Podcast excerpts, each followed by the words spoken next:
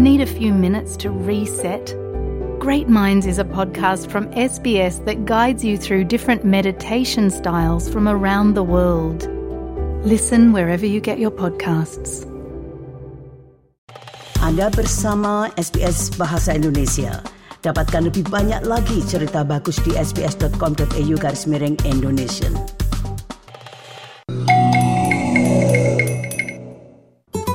SBS. SBS. SBS. SBS. SBS SBS Radio. Anda bersama SBS Audio Program Bahasa Indonesia. Saya Sridin, pemandu acara untuk siang hari ini. Nah, kami akan angkat tentang penjualan mobil pada tahun 2024 ini yang diperkirakan akan mengalami kelesuhan jika dibandingkan dengan tahun 2023. Penjualan mobil baru di Australia pendengar mencapai rekor tertinggi, melampaui hasil penjualan tertinggi sebelumnya pada tahun 2017. Namun, meski industri otomotif menyambut baik penjualan yang memecahkan rekor ini, mereka memperkirakan pasar akan lebih lesu pada tahun ini. Berikut ini rangkuman yang disusun oleh Greg Diet. Tantangan biaya hidup di Australia tidak terbukti menghambat penjualan mobil baru pada tahun 2023.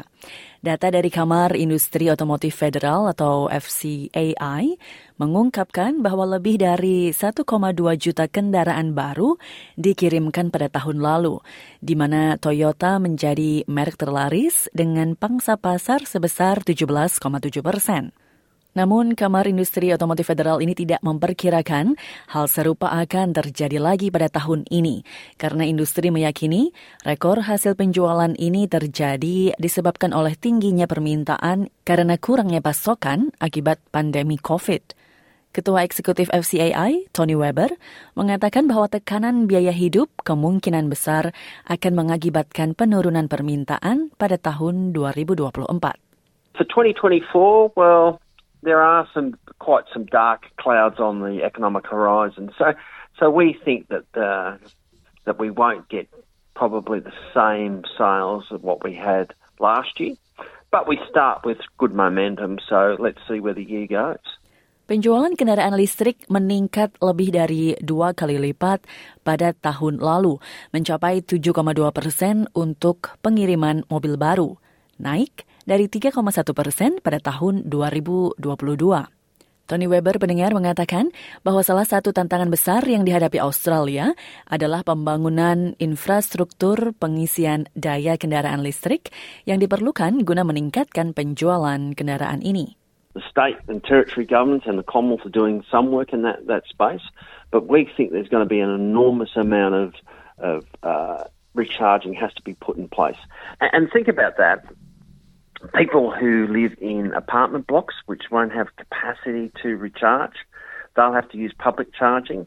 And then people in regional rural Australia will have to have a lot of recharging capacity so that they have the confidence to use their vehicles. So it's going to be a great challenge.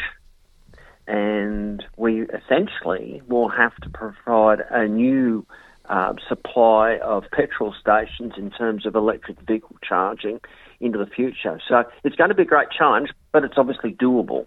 Presiden dari Asosiasi Kendaraan Listrik Australia, Chris Jones, mengatakan infrastruktur pengisian daya merupakan satu tantangan. Namun menurutnya ada faktor-faktor lain yang perlu ditanggapi agar lebih banyak warga Australia dapat beralih ke kendaraan listrik. I think we've got a number of challenges, um, and I think charging infrastructure is probably number three. Um, numbers one and two are kind of dependent on each other, and that is price and availability. So um, the fewer EVs you have on offer within the market, um, the more they can demand a higher price. So uh, it's a classic supply and demand situation. We we do have more EVs coming into the country, which is good, but frustratingly, we don't have a wide selection of models and shapes and sizes and segments that the rest of the world has access to, uh, and that's basically uh, to some extent working as a bit of a handbrake on uptake. Some people are absolutely waiting for the electric people mover or they're waiting for the electric dual cab ute. And because it's not there, they're just not interested in buying electric. Harga kendaraan listrik level dasar di Australia pendengar dimulai dari sekitar 40 ribu dolar. Pakar lingkungan hidup John Dee memutuskan untuk berinvestasi pada salah satu kendaraan ini pada akhir tahun lalu. Ia mengatakan dirinya membelanjakan lebih dari 58 ribu dolar untuk membeli BYD Seal, mobil listrik buatan Cina yang dianggapnya lebih menguntungkan daripada Tesla yang lebih mahal. And you get a lot of bang for a buck. You, you know, in terms of the, the range you can drive in the car, we can drive 570 kilometers. You can do 150 kilowatt charging, so that means you can do very long distance driving in the car. And we also wanted a heads-up display uh, in the car. From a safety standpoint, uh, that to us was uh, really important, and you don't get those in Tesla cars. But I think the, the price undoubtedly was, was a key consideration. It was finally a, a really good quality electric car that was within the, the budget we had available. Chris Jones dari Asosiasi Kendaraan Listrik mengatakan sebagian besar pembeli mobil di Australia memilih untuk membeli mobil bekas dan mengatakan bahwa pasar mobil bekas untuk kendaraan listrik ini masih sangatlah kecil. We've got to remember that about one third of all vehicle purchases are new vehicles and two thirds are second hand. So the vast majority of Australians won't buy an EV unless it's a second-hand EV because they just don't they don't have new car money in their pocket. Um, so I, I, guess we're kind of waiting for the second-hand market to really start to flourish. Um, but of course, that won't happen unless people buy new cars. And I think there's a big role for government fleets, business fleets, to buy those vehicles and flip them back into the second-hand market. Um, but otherwise, look, I think I think a, a thirty thousand dollar new EV is absolutely the the the tip over point. Like the running costs are so low that you can afford the extra five or six thousand dollar premium because you'll save that within two years of not buying fuel. Sementara Australia berupaya mencapai target pengurangan emisi pada tahun 2030, pendengar, ada tekanan yang ditujukan pada pemerintahan Albanisi untuk menempati janji mereka memperkenalkan undang-undang yang akan mendorong produsen mobil untuk memproduksi kendaraan yang lebih ramah lingkungan. Dikenal sebagai standar efisiensi bahan bakar, peraturan ini membatasi keluaran emisi untuk mobil baru, yang mana memberikan insentif bagi produsen mobil untuk memasok kendaraan beremisi rendah dan bahkan tanpa emisi.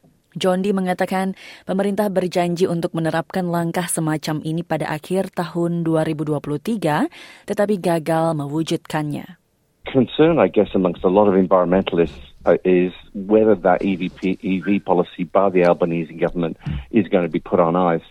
Under a new standard, the idea is that the, the big car brands in particular would be penalised if uh, if they sell cars with high polluting internal combustion engines that you know that use either petrol or diesel. And the idea is if they get penalised for the, that, that polluting engines, the idea is that it would spur the uptake of electric and other low emissions vehicles because apart from Russia, Australia is the only developed nation without fuel efficiency standards, and that needs to change. Demikian tadi pendengar, rangkuman terkait penjualan mobil di Australia yang disusun oleh Greg Diet untuk SBS News dan dibawakan oleh Tia Arda untuk SBS Indonesian.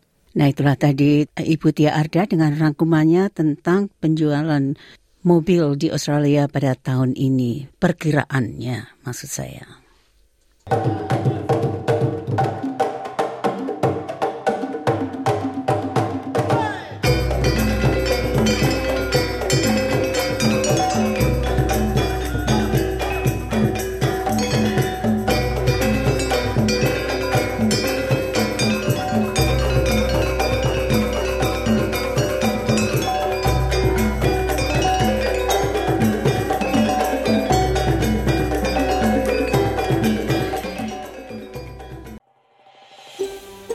Anda ingin mendengar cerita-cerita seperti ini? Dengarkan di Apple Podcast, Google Podcast, Spotify, atau di mana pun Anda mendapatkan podcast Anda.